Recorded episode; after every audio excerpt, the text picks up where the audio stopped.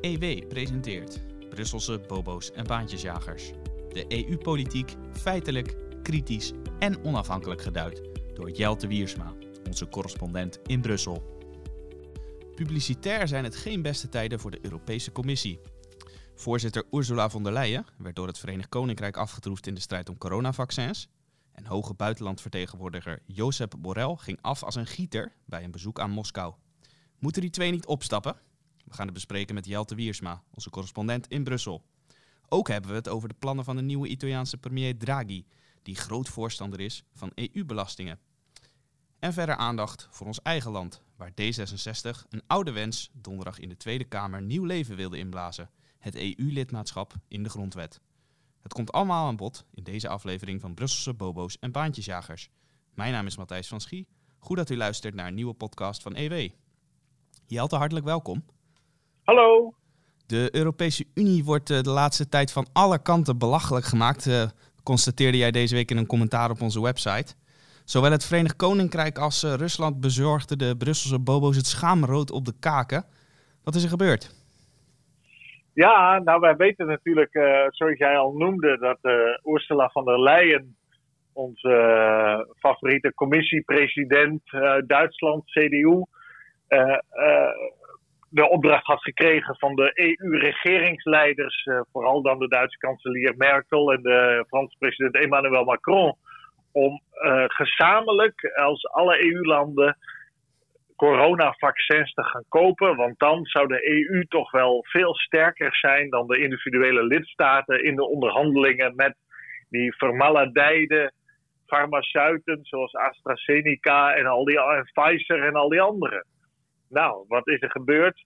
Dat is natuurlijk uh, op een catastrofe uitgelopen. Uh, de Europese Commissie is ook helemaal niet gewend om dit soort onderhandelingen te voeren. En um, die heeft um, de ene naar de andere flater geslagen in de onderhandelingen met die farmaceuten. Terwijl het Verenigd Koninkrijk, uh, de regering van de Britse premier Boris Johnson, een hedgefondsmanager heeft aangesteld. Een vrouw overigens, uh, uh, voor de mensen die dat belangrijk vinden. Inclusief. en die heeft heel inclusief, maar het is een Britse vrouw die troefde een Duitse vrouw af. Um, deze Britse hedgefondsmanager die slaagde er wel in fatsoenlijke contracten te sluiten met farmaceuten. Um, en heeft ervoor gezorgd dat het Verenigd Koninkrijk daardoor tot de best gevaccineerde landen in de wereld behoort. Na Israël natuurlijk, want uh, Israël die verslaat uh, uiteraard uh, vaak in dit soort crisissituaties de rest van de wereld. Um, en ja, deze flater heeft ertoe geleid dat von der Leyen excuses heeft moeten aanbieden in het Europees Parlement. Ze heeft een, een mea culpa gedaan, is diep door het stof gegaan, zoals dat dan zo mooi heet met een cliché. Um, en er is uh, hier en daar de roep uh, om aftreden, omdat zij hier zo'n zootje van heeft gemaakt. Want ja, het leidt gewoon tot meer economische schade en tot meer doden in de Europese Unie. Dat de Europese Commissie er niet in is geslaagd snel veel vaccins te kopen. Terwijl individuele lidstaten, zoals Duitsland, Nederland, Italië, Frankrijk, die een clubje met z'n vieren hadden gevormd om snel vaccins te kopen die hadden eigenlijk al veel meer vaccins in bestelling, maar die hebben dat allemaal uh, stopgezet om uh, het naar de EU te uh, brengen, om de Europese Commissie die bestellingen te laten doen, om te laten zien, nee, wij zijn één Europa, één Europese Unie en wij gaan niet als individuele lidstaten dit doen, want dan zouden landen zoals Nederland en Duitsland veel sneller veel meer vaccins hebben kunnen kopen. En dan zouden landen zoals misschien Portugal en Roemenië en zo, die wat minder geld hebben, eh, daar niet in slagen. Dat zou dan oneerlijk zijn. Nou, deze gelijkheidsgedachte, deze Europese gedachte, leidt uiteindelijk tot meer doden en meer economische schade in de Europese Unie. En een niet-EU-land zoals het Verenigd Koninkrijk, die, uh, ja, die uh, springt er natuurlijk uh, florissant uit in deze situatie.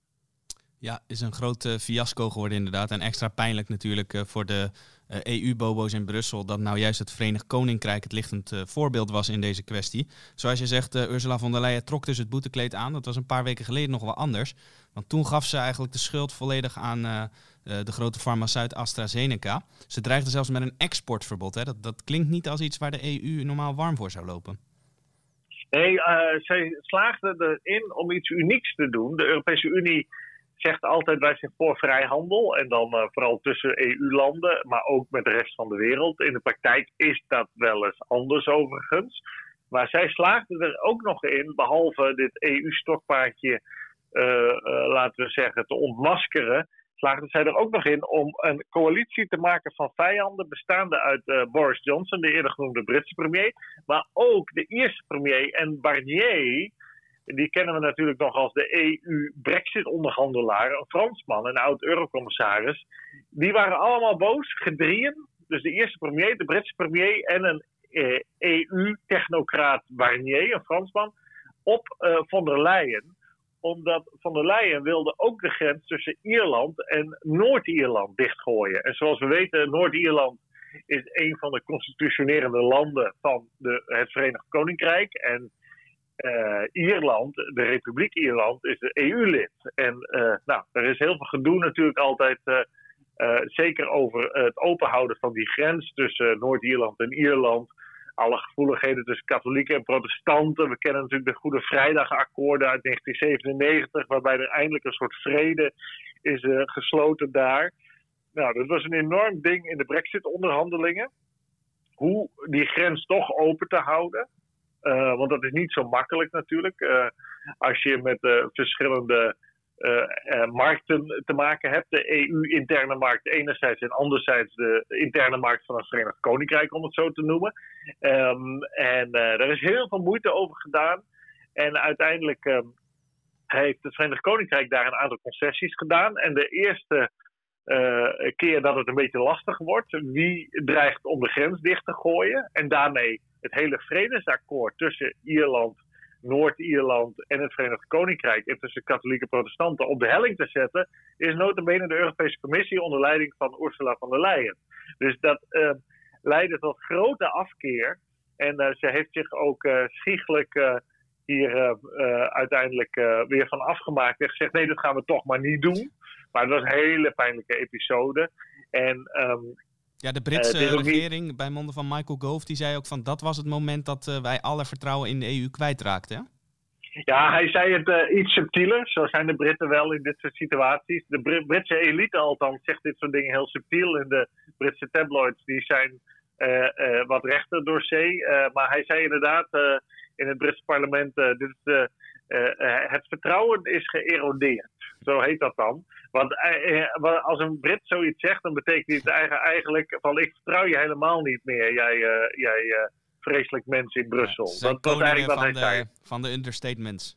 Zo is het, zo is het. Nou, pijnlijk dus uh, voor, voor Brussel deze, deze affaire. En nou was er vorige week nog een pijnlijke affaire. Misschien nog wel pijnlijker voor het aanzien. Uh, want uh, Sergei Lavrov, de minister van Buitenlandse Zaken van Rusland, nog zo'n uh, Europees land dat niet in de EU zit, die kreeg bezoek van de hoge buitenlandvertegenwoordiger van de EU, van de Europese Commissie moet ik zeggen, Josep Borrell. Hoge buitenlandvertegenwoordiger, dat klinkt heel erg plechtig. Maar Borrell die stond flink voor schut hè, in Moskou. Ja, Borrell die toog naar Moskou. Hij nam de staande uitnodiging van Lavrov aan om daar op bezoek te gaan die uitnodiging die had Lavrov gedaan natuurlijk om uh, Borrell te pesten. En uh, daar is hij ook goed in geslaagd. Uh, Borrell was ook geadviseerd van alle kanten, ga nou niet naar Moskou. maar daar luisterde hij niet naar. En um, wat gebeurde daar in korte tijd dat Borrell daar was? werd allereerst, terwijl hij met Lavrov zat te praten achter gesloten deuren... werden drie EU-diplomaten Rusland uitgegooid. Waarom? Nou, toen, uh, ja, omdat uh, als zogenoemde waarnemers bij demonstraties tegen Poetin waren geweest. En Rusland zei, ja, maar zij hebben meegedaan aan, aan die demonstraties. nou ja, dat is een beetje in the eye of the beholder, zoals ze dat dan zeggen. Um, in ieder geval was het natuurlijk een heerlijke truc van uh, Lavrov om Borrell uh, voor schut te zetten. Borrell die moest dat uh, via de Twitter, terwijl hij met Lavrov zat te praten, kennelijk vernemen dat deze drie EU-diplomaten, een, een Zweed, een Pool en een Duitser, Rusland waren uitgegooid. toen Lavrov daar later naar werd gevraagd, toen zei hij van, oh ja, dat was een foutje. Het had eigenlijk maandag moeten gebeuren. wat, eigenlijk, wat eigenlijk nog veel pijnlijker was. Dus ja, de Russen die hebben enorm plezier gehad. Uh, en ja, wat er nog meer gebeurde, was er, na afloop was er een, uh, van hun ontmoeting was er een persconferentie. En Lavrov had het persbureau Sputnik, een Russisch persbureau, geïnstrueerd dat ze even vragen moesten stellen aan Borrell over de Amerikaanse sancties tegen Cuba. Want de EU is tegen die sancties tegen Cuba. En uh, Borrell die bevestigde dat ook op de vraag van deze Sputnik-persoon, deze Sputnik-journalist. En uh, daar uh, wist Lavrov natuurlijk wel raad mee, want die zei: ja, maar waarom zijn er eigenlijk sancties van de EU tegen Rusland? Is dat dan ook niet volstrekt illegaal? Dat zijn toch ja, dus die, die begon een heel exposé daarover, waarom de, de EU belachelijke sancties had ingesteld tegen Rusland. En die sancties zijn ingesteld nadat Rusland de Krim heeft ingenomen en overgenomen en ingepikt en uh, afgepakt van Oekraïne. En um, uh, ja, dat was natuurlijk een uh, geweldige, pijnlijke episode voor Borrell, die ehm, daar ook nog even verschut werd gezet omdat Lavrov, net zoals Gove zei, ja, de Europese Unie is onbetrouwbaar. Heeft hij daar een punt? Nou ja, natuurlijk heeft hij een punt, maar iedereen is onbetrouwbaar in de internationale politiek. Rusland, Verenigd Koninkrijk, de Europese Unie. Nederland is onbetrouwbaar. Politici zijn altijd onbetrouwbaar, want ze zijn opportunisten, die handelen naar bevind, die handelen naar de mogelijkheden. Dus die, uh, uh, ja, dat is nou één keer zo dat, er zijn weinig principiële politici. Die, die komen heel af en toe voorbij. Margaret Thatcher in het Verenigd Koninkrijk was zo iemand. Maar die kreeg ook met iedereen ruzie daardoor. Hè? Met uh, uh, alle andere Europese leiders. En een groot deel van haar partijgenoten kreeg er ook ruzie mee. Want als je, als je dus, dus niet zozeer met de oppositie, maar ook met haar eigen partijgenoten en, en een deel van de media. Dus als jij principieel bent, dan krijg je al gauw ruzie met iedereen. Dus uh, uh, dan moet je wel heel stevig in je schoenen staan. En dat staan de meeste politici natuurlijk ook niet, want die vinden hun baantje veel te leuk. Dus die gaan niet uh, hun baantje laten uh, verliezen over principes. Dat, dat doe je natuurlijk niet. Hebben wij dus toch de, de naam van deze podcast weer goed gekozen, hè? met de term baantjesjagers erin? Ja, ja, ja, natuurlijk. Die, die naam, daar is zeer goed over nagedacht. Dat mag je nooit onderschatten hoeveel denkwerk daarin gegaan is. Daar zijn adviesbureaus overheen gegaan, enzovoort, enzovoort. Nee, uh, voor de abonnees uh, onder u, geen zorgen. De, uw abonnementsgeld, uh, dat gaat daar niet naartoe. Dat hebben wij zo allemaal uit ons hoofd gedaan. Zo is het. Dat abonnementsgeld gaat bij ons in de zak. Hè? zo is dat, het. Um, zonder gekheid, die Lavrov-sessie van Borrell... die leidde ertoe dat Morel met de staart tussen de benen terug naar uh, Brussel werd gestuurd. En onze uh, Spanjaard Borrell, Spaanse socialist, um, uh, werd daar door meer dan 70 Europarlementsleden flink aangepakt. Die zeiden, ja, hij moet opstappen, want dit, dit kan niet. En dit was een, een, groep van meer dan 70 parlementsleden van verschillende fracties. Die zeiden, deze man heeft zichzelf en de EU volledig belachelijk gemaakt. En die is niet meer geloofwaardig, die moet weg. En uh, daar heb je dus von der Leyen en dan Borrell. Dat zijn de twee kopstukken, zou je kunnen zeggen. Dat zijn de twee topposities. Uh, met de eerste uitvoerend vicepresident, dat is dan Frans Timmermans. De drie topposities in de Europese Unie. Althans in de Europese Commissie, excuus. En uh, die maken zichzelf binnen een paar weken ja, eigenlijk zo belachelijk dat eh, het gewoon pijnlijk is en je eh, er ook alleen maar om kan lachen. En dan zie je dat ook landen zoals het Verenigd Koninkrijk en Rusland, die, die bestaan natuurlijk ook al honderden jaren met een honderden jaren lange diplomatieke traditie, met honderden jaren ervaring in de internationale politiek. Die krijgen dan van die groentjes op bezoek uit Brussel. Ja, die spelen die mensen natuurlijk uh, weg. Die laten ze alle hoeken van de diplomatieke kamers zien. Ja. Dus de, de, de grootmachten, Verenigd Koninkrijk en Rusland, hebben even laten zien uh, uh, hoe sterk zij zijn ten opzichte van zo'n EU dan. Ja, dat is wel opvallend dat je eh, ze groentjes noemt. Je zou toch zeggen, de Europese Commissie is toch wel het hoogste uitvoerende orgaan van de Europese Unie. Daar zouden toch zwaargewichten aan het roer moeten staan. Maar wat zegt het dan dat juist die zwaargewichten zo uh, pijnlijk afgaan? Uh, wat zegt dat bijvoorbeeld over het personeelsbeleid van de EU of überhaupt de verhoudingen in de EU? Ja, dat is een goede vraag natuurlijk. Kijk, uh, de Europese Commissie is natuurlijk een club waar je uh, als regeringsleiders, en die bepalen wie daarin komt uiteindelijk, mensen neerzet waar je of vanaf wil, omdat dat binnenlands politieke concurrenten kunnen zijn, of mensen van wie je denkt dat het jouw slaafjes worden, die jouw opdrachten gaan uitvoeren, of mensen die ja, in de weg zitten en een baantje nodig hebben, of anderszins in een politieke tombola in de interne nationale politiek. Dus uh, daar wordt meestal niet het beste spul naartoe gestuurd, om het met een understatement te zeggen. Dat is meestal tweede garnituur. En dat is natuurlijk waar voor von der Leyen. Dat is echt een tweede rangs figuur. Dat is ook waar voor Borrell. Dat is niet waar voor Timmermans. Timmermans wordt ook door velen in Brussel wel gevreesd dat mocht Van der Leyen ooit opstappen uh, of weg moeten omdat ze nog meer uh, klunzigheid laat zien, dat, dat als Timmermans dat dan zou overnemen, dat hoeft niet per se, maar dat zou kunnen, dat je, dat je dan wel echt een serieuze figuur aan de leiding hebt. Want Timmermans, Timmermans is wel echt een hele intelligente kerel. Ja, hij was ook eigenlijk favoriet, hè? Voordat Van der Leyen werd benoemd, dacht eigenlijk iedereen dat Timmermans het zou worden. Nou ja, dat was, dat was ook wel uh, ergens uh, een kans misschien. Ik heb meteen geschreven dat gebeurt niet omdat Oost-Europa tegen hem is. Maar in ieder geval, dat is wel een A-categorie figuur. Dan heb je nog Margrethe Vestager uit Denemarken. Dat is ook wel een A-categorie figuur. Dus er zijn een aantal, dat zijn nationale toppers die daar zitten. Maar dat zijn meestal van de kleinere landen. De grotere landen sturen meestal sowieso B-garnituur die kant op. Ehm, ja, want uh, de grote besluiten uh, als het om de EU gaat, die worden toch door de, de president of de regeringsleiders genomen hè, van de grote landen. Ja, zo is het. De regeringsleiders die bepalen en die willen niet dat zo'n Europese Commissie heel talentvol is en in de weg gaan lopen aan, uh, aan henzelf. Dus zo, zo, zie je dat het personeelsbeleid in de EU ja, toch tweede rangsfiguren is. Zie je in het Europees Parlement overigens ook. Hè. Er zitten veel tweede rangsfiguren.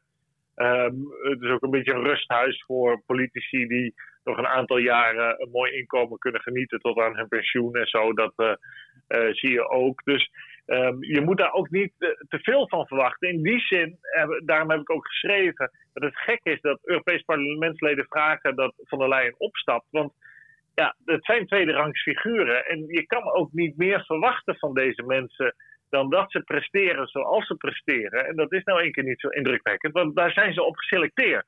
De regeringsleiders, Merkel, Macron, Rutte, hebben deze mensen erop geselecteerd dat ze niet heel goed zijn.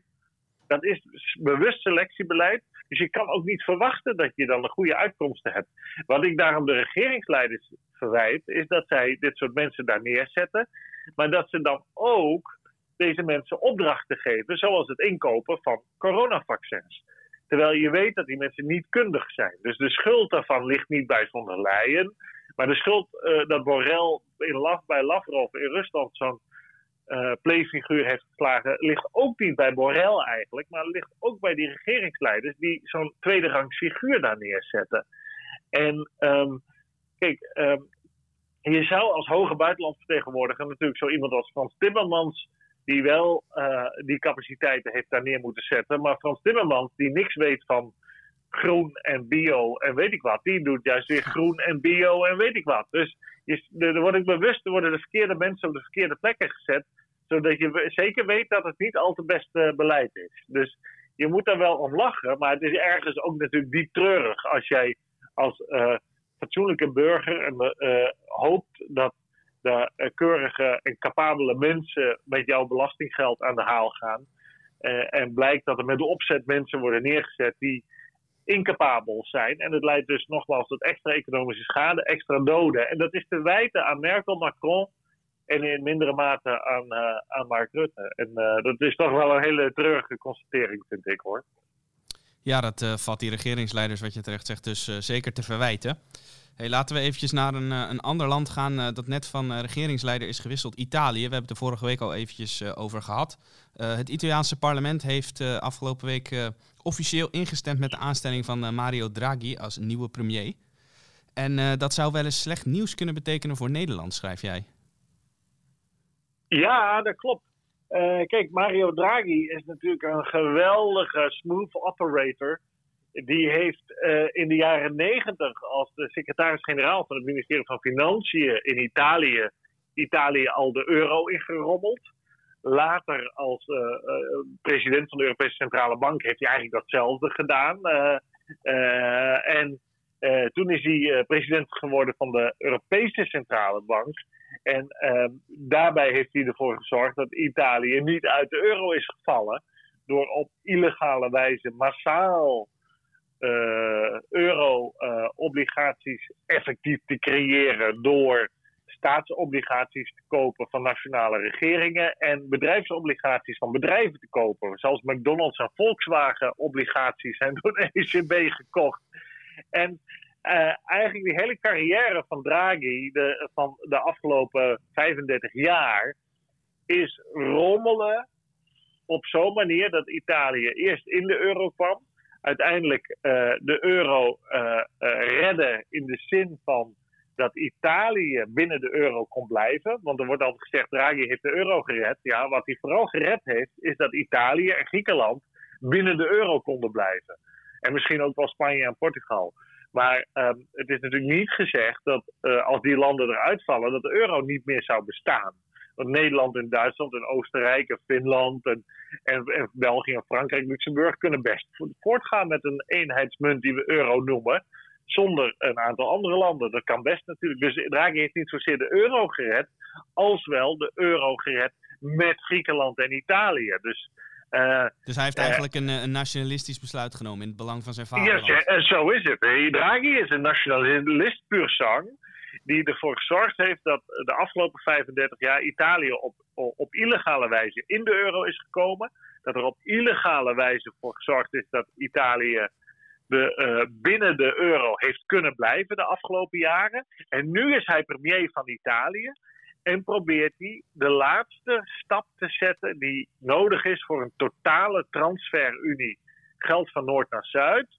Dat is het komen tot een euro-begroting. en dan moet je je voorstellen wat dat betekent. Dat betekent dat de 19 eurolanden samen een pot geld in Brussel uh, gaan samenstellen. Uh, of misschien wel in Luxemburg, wie zal het zeggen, dat er een nieuwe entiteit opgezet wordt.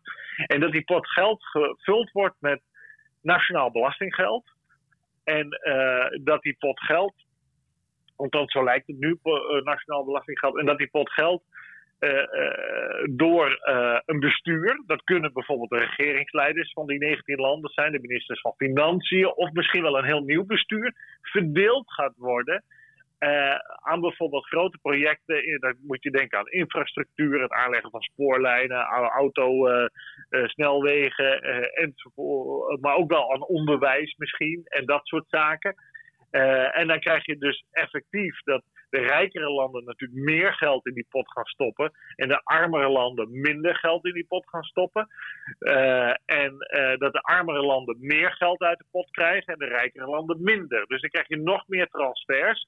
En, uh, ja, ik onderbreek ja, je is... even. De, we hebben het ook vaker gehad bijvoorbeeld over de begroting van de Europese Commissie. Maar dat is dus echt duidelijk iets anders dan, dan een eurobegroting. Kun je even kort uitleggen wat het verschil precies is? Ja, dit, dit staat ernaast. De, de Europese Commissie heeft een begroting. Die wordt elke zeven jaar vastgesteld door de uh, 27 regeringsleiders van de 27 EU-landen. En uh, dat geldt dus voor alle 27 EU-landen. En dus niet alleen voor de 19 eurolanden.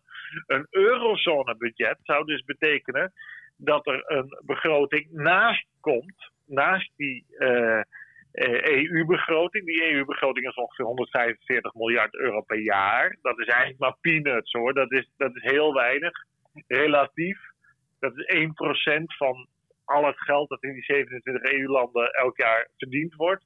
Wat uh, veel uh, substantiëler zal worden, is van eurobegroting, is de verwachting. En uh, we hebben al een inkijkje gehad met het corona-herstelfonds, wat dat betekent. Dat corona-herstelfonds kennen we allemaal. 750 miljard euro is dat. Um, waarbij uh, vooral Duitsland en Nederland geld in de pot leggen en dat vooral naar Italië gaat. Opnieuw om te redden dat Italië binnen die eurozone kan blijven, binnen die euro kan blijven. Nou, dat zou je uh, op grotere schaal gaan zien. Dus je moet voorstellen, zo'n eurozonebegroting wordt eigenlijk een super corona-herstelfonds. En um, dat moet dus door die nationale regeringen gevuld gaan worden. Zo'n pot, zo'n super corona herstel, of zo'n herstelfonds. Maar dat wordt een structurele pot. En die structurele pot, ja, daar wordt over gediscussieerd. Hoe moet je die dan vullen? sommigen zeggen van ja, je moet als EU voor die eurozone belastingen gaan heffen op grote bedrijven of op grote bedrijven buiten de EU die producten naar binnen die EU willen brengen, maar heel veel CO2 uitstoten.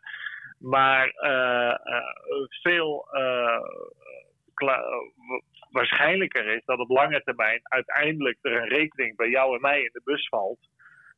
en dat wij, hetzij via de regering in Den Haag, hetzij direct belastingen aan uh, uh, Brussel gaan betalen, of Luxemburg of Frankfurt, waar ook maar die 19 eurolanden die eurobegroting gaan neerzetten. En er wordt verwacht dat die eurobegroting dan 10 tot 14 procent van het hele uh, inkomen van de eurozone gaat zijn. En dan heb je het dus over heel veel geld. Dan ja. heb je het over een begroting van misschien wel 1000 of, of 1500 miljard per jaar. En dan ga je dus naar een Amerikaanse situatie toe waarin Washington ook zo'n soort begroting heeft. Uh, uh, in de, ik geloof dat Washington 14% van het nationaal inkomen in de Verenigde Staten uitgeeft. Dus dan krijg je zo'n soort situatie. En, ja, en dan heeft Draghi dus uiteindelijk wat hij wil, dat Italië voort kan gaan op de voet waarop het nu zit. En de nog meer transfers van Noord naar Zuid komen. En dan krijg je dus de totale transferunie. En dan krijg je uiteindelijk ook een soort euro-regering.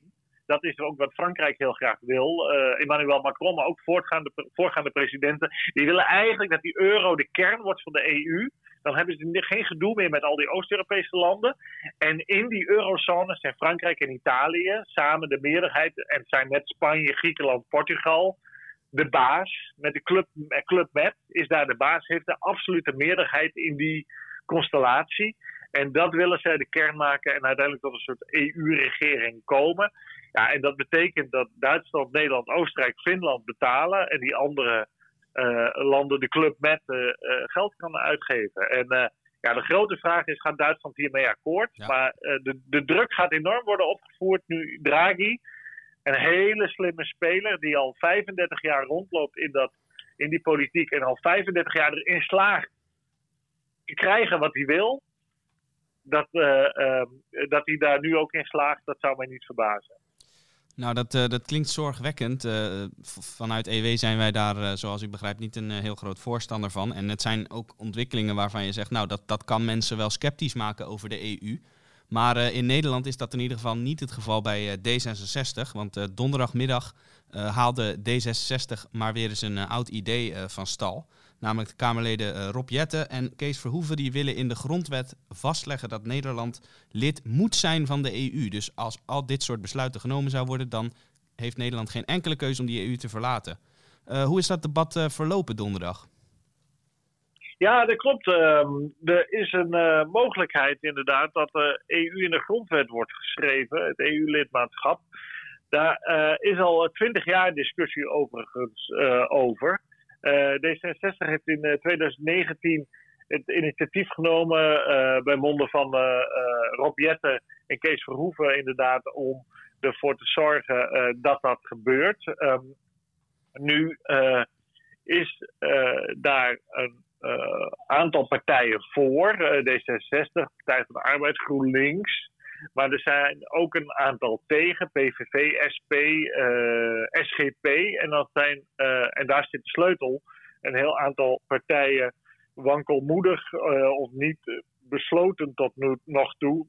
VVD, CDA onder meer. Over wat zij nou moeten doen.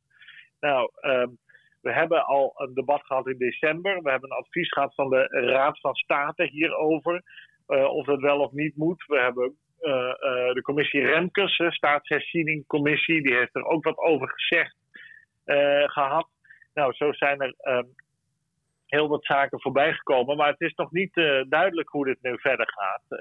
in ieder geval staat vast ehm, dat uh, er een boeiende discussie is die aanhaakt op een discussie die SGP-leider van de Staaij, Kees van de Staaij en Matt Herben toen voor LPF, Tweede Kamerlid, in 2006 gestart zijn. En die hebben gezegd uh, in 2006: we moeten eigenlijk ervoor zorgen dat er uh, een rem komt op uh, de zomaar overdracht van nationale bevoegdheden naar de EU. En dat moeten we doen door een toets in de grondwet vast te leggen, waarbij alleen maar met twee derde meerderheden macht naar de EU mag worden overgeheveld. Dus dan heb je het over twee derde meerderheden in beide kamers. Dus de Eerste en Tweede Kamer. Dat twee derde uh, voor een machtsoverdracht naar de EU is, voordat dat mag plaats hebben. En nu gebeurt dat met normale meerderheden, wat zoiets betekent als 50 plus 1.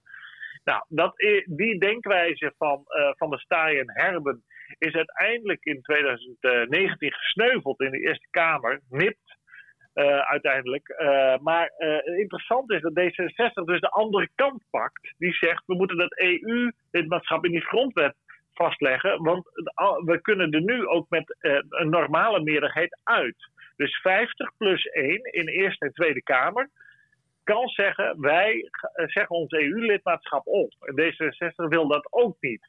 Nu had Van der Staaij een leuk geintje. Die zei tegen Rob en Kees Verhoeven van ja, Kijk, wij vinden het heel belangrijk als de EU inderdaad in de grondwet wordt geschreven. Maar waarom steunt u dan niet uh, ons voorstel dat uh, je twee derde meerderheden moet hebben voordat je uh, macht kan overdragen naar de EU? Nou, dat vonden D66 natuurlijk niet zo'n goed idee. Want die willen Nederland als soeverein land opheffen en de macht aan de EU overgeven. Dus. Um, dat, maar dat is een hele interessante principiële discussie. Maar als je echt principieel bent, moet je of SGP en D66 beide gelijk geven. Of je moet ze beide niet gelijk geven. Maar ze hebben zich beide laten kennen als niet zo principieel. Daar moest ik wel om lachen. Want ze willen dus. Uh, de SGP wil wel een hogere drempel voor machtsoverdracht naar de EU. D66 wil dat niet. En D66 wil dat het bijna uh, een hogere, hogere drempel om uit de EU te gaan. En dat wil weer de SGP niet. Dus zo zie je het opportunisme uh, maar weer boeiende discussie die nog niet afgelopen is. Ja, en, nog even een laatste vraag. Wat zegt dat nou eigenlijk bij de voorstellen? daar is nog geen uh, meerderheid voor in de Tweede Kamer. wat zegt dat nou eigenlijk over die partijen die daar tussenin zitten? Jij noemde net de grote groep met onder meer VVD en CDA. Wat zegt het nou dat zij met beide voorstellen niet instemmen over hun kijk op de toekomst van Nederland in de EU? Hoe kijken zij daar tegenaan of weten ze het eigenlijk niet echt? Nee, zij willen hun handen vrij houden. VVD, CDA hebben geen opvattingen hierover. Zoals wel over meer dingen zij geen opvattingen hebben. Dat zijn natuurlijk bestuurderspartijen. Die bestaan als een soort uitzendbureau voor mensen die ambiëren een uh, publieke functie uit te oefenen. Maar hun opvattingen zijn natuurlijk zeer beperkt. Uh, en zij hebben uiteindelijk uh, in de Eerste Kamer ook tegen Van der Staaijs voorstel gestemd. Om het moeilijker te maken uh, om macht over te dragen aan de EU. Met het ook als argument, ja, maar dan uh, kan er waarschijnlijk nooit meer macht worden overgedragen aan de EU. En dan hebben wij onze handen als VVD en CDA, als bestuurderspartijen, niet meer vrij om deals in Brussel te maken. Uh, en er zeker van te zijn dat wij die deal ook kunnen nakomen. Nou, dat, dat toonde hun opportunisme. Um, uh, maar andersom zie ik het ook niet gebeuren dat die grondwetswijziging zoals D66 die voorstelde doorkomt. Want dan heb je uiteindelijk ook twee derde meerderheden nodig om de grondwet te wijzigen. En die lijkt er niet te zijn, want uh, dan uh, heb je natuurlijk met PVV, SP, Forum, SGP, uh, Partij voor de Dieren, die daar ook tegen is en die erg lijkt te groeien met de komende verkiezingen. Uh, zo heb je toch een aardige uh, club die daar tegen is en lijkt er een, een ruime groep te zijn, ruimer in ieder geval dan een derde die nodig is om dat af te blokken, te zijn die dit kan blokkeren. Dus zoals zo vaak in Den Haag gebeurt er helemaal niks, ook al wordt er volop gediscussieerd. Nou ja, dat uh, volop discussiëren kunnen wij natuurlijk ook uh, blijven doen. Het voordeel is dat wij, eh, en met name jij, hier wat uitgesprokener over kunnen zijn dan de heer in Den Haag. Dus dat is fijn voor ons. Hey, laten we nog eventjes afsluiten kort met jouw rubriek in Brussel uit het Weekblad. Uh, jij hebt namelijk geschreven over uh, camera's in het Europees Parlement. We hadden het vorige keer al over camera's aan boord van uh, vissersboten. Maar nu zijn ze in Brussel dus ook onder cameratoezicht gesteld. Het zijn warmtecamera's die de lichaamstemperatuur meten van de parlementariërs. Want als die te hoog is, dan zouden ze wel eens corona onder de leden kunnen hebben. Nou, dat, dat klinkt wel als een, als een maatregel die in ieder geval de, de veiligheid en de gezondheid beschermt. Maar toch zijn er een hoop Europarlementariërs die daar een heel ongemakkelijk gevoel bij krijgen. Waarom? Ja, zeker. Um, ja, omdat die, die dingen die komen uit China. Die komen van de firma Hikvision. En uh, deze firma Hikvision, uh, die wordt in verband gebracht, uh, en dat is waarschijnlijk ook waar, met um, het verleveren van camera's voor West-China, waar de, onder meer de islamitische Oeigoeren wonen, om die Oeigoeren in de gaten te houden met gezichtsherkenning en ook om uh, beveiligingscamera's te leveren aan uh, kampen waar Oeigoeren worden opgesloten. Naar schatting van onder meer de BBC zitten er een miljoen mensen, moslims, Oeigoeren in West-China in zogenoemde heropvoedingskampen. Nou, dat zijn een soort gulags. En ja, je, je hebt eigenlijk een soort genocide daar, een volkerenmoord in slow motion. Want uh, vrouwen worden daar massaal um, uh, geaborteerd. Um, de, de uh, reproductie is daar nu zo laag dat die Oeigoeren uiteindelijk gaan uitsterven. Um, en ja, dat kan je niet anders bestempelen dan volkerenmoord, genocide. En dat doet dus de Chinese regering onder leiding van de dictator Xi Jinping. En ja, zijn regering is voor 40% aandeelhouder van het bedrijf dat deze camera thermo, thermometers uh, levert, Hikvision. Uh, het hoofdkantoor van dit bedrijf Hikvision voor Europa staat overigens in Hoofddorp in Nederland. Uh, ik kwam ook een beetje op het spoor op deze kwestie, omdat wij bij ons buiten in Zeeland een beveiligingsman over de vloer hadden voor vernieuwing van de beveiligingsinstallatie. En die vertelde mij over de details van Hikvision. En die vertelde mij ook dat alle camera's zo'n beetje Chinees zijn. En ehm, die wees er ook wel op dat uh, ja, het uh, uiteindelijk, uh, als je zeker als je het met wifi verbindt, eenvoudig te hacken is. En dat het dus zeker niet zeker is dat de Chinezen niet mee kunnen kijken. Dus um, het is nu zo dat het. toen heb ik eens een beetje rondgebeld. En toen kwam ik een beveiligingsbedrijf tegen. Die vertelde mij dat ze net de Turkse ambassade in Den Haag ook voorzien hadden van beveiligingscamera's, ook van Chinese makelij. Uh, ja, die uh, maken, zegt, zeggen alle beveiligingsexperts, de beste en ook goedkoopste camera's. Het kost 250 euro zo'n cameraatje. Dat is een hartstikke mooi spul allemaal. En werkt perfect kennelijk. Ehm, en in het Europees Parlement zijn ze daar ook voor gegaan. Nu heeft onder meer uh, Charlie Wijmers van de Zweden Democraten. Uh, die heb ik ooit leren kennen toen hij een lezing gaf bij een eetclubje in Brussel, waar ik lid van ben. Die heeft daar vragen over gesteld aan de president van het Europees Parlement, de Italiaan David Sassoli, een socialist. En Sassoli zei: Ja, wij hebben de opdracht gegeven aan een Frans bedrijf om uh, die, die camera's te installeren bij de ingang van het Europees Parlement om de temperatuur te meten. Want als mensen koorts hebben, zou dat kunnen uh, wijzen op het uh, hebben van corona. En dan weigeren we die mensen bij de ingang van het Europees Parlement. En dit Franse bedrijf, dat heeft weer een subcontractor, een Belgische firma. En die Belgische firma, die heeft weer die camera's bij Hikvision betrokken. En ze zeggen, ja, wij kunnen daar dus niks aan doen. Maar er zijn heel veel Europarlementariërs die vinden dit ongemakkelijk. En ook de vakbond van EU-personeel. Eh, want er werken duizenden mensen natuurlijk bij het Europees Parlement en ook bij de Europese Commissie, waar ook Chinese camera's staan. Die voorzitter van die EU-vakbond heeft ook gezegd: wij vinden dit ongemakkelijk dat wij wegens onze privacy dat uh, ja, de Chinese camera's staan. Want uh, Xi Jinping kan vanuit Peking, bij wijze van spreken, um, uh, kijken wie, wie allemaal bij de Europese Commissie werkt. En uh, je weet niet precies hoe dat gaat. Je moet, je, je moet er ook van uitgaan, dat is ook de eerlijkheid wel. dat als jij ergens camera's ophangt, dat je weet dat uiteindelijk iedereen mee kan kijken. Dat is het risico dat je neemt. Dus als je denkt dat je jezelf beveiligt met camera's, je geeft ook anderen toegang om uh, mee te kijken. Dat is eigenlijk overal zo. Of je moet wel heel slim zijn. Uh, we weten wel dat uh, in Amerika de vorige president Donald Trump met een presidentieel decreet, zoals dat heet, alle Chinese camera's bij Amerikaanse overheidsgebouwen verboden heeft. Dan moet je denken aan militaire complexen, politiebureaus, gemeentehuizen enzovoort. Zie jij dat ook gebeuren in Brussel? Nou ja, dat is nu de discussie. Ehm, in Amerika heb je gezien dat er na dat decreet heel snel bedrijfjes zijn opgestart. Die, uh, of gevestigd die uh, made in the USA camera's maken. Maar je vindt, er zijn dus geen made in Europe camera's te vinden. Eh, tenminste, ik kan ze niet vinden. Er is wel een Tsjechisch bedrijf, Jablatron. Dat is een, een, beveiligingsbedrijf dat erg aan de weg timmert. En goed uh, is kennelijk. Maar uh, die hebben ook camera's.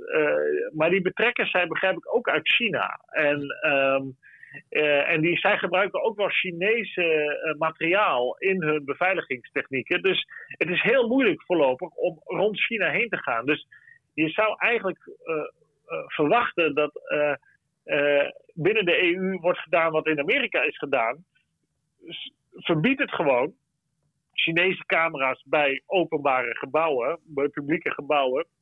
En dan komen er vanzelf wel bedrijven die in Europa, in de Europese Unie, die die camera's gaan maken. Maar zolang dat verbod er niet is, gaat in de Europese Unie eigenlijk niemand die camera's maken, omdat je weet dat het veel te duur is om die te ontwikkelen. Uh, als je uh, de concurrentie hebt van goedkope en kwalitatief goede Chinese producten. Dus het is een beetje uh, een kip-of-ei verhaal dan. Dus uh, uh, ja, in Amerika gaat het dan met presidentieel decreet. Dat kan in de Europese Unie natuurlijk niet.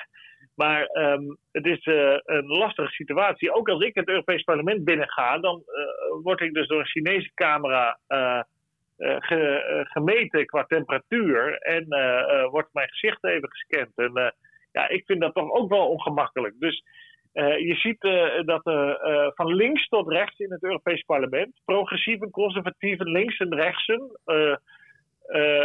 is er steun om van die Chinese spullen af te komen. Maar hoe dan, is de grote vraag. En ja, ik hoop toch dat er slimme ondernemers en ingenieurs zijn in Europa, in de Europese Unie, die met camera's op de proppen gaan komen.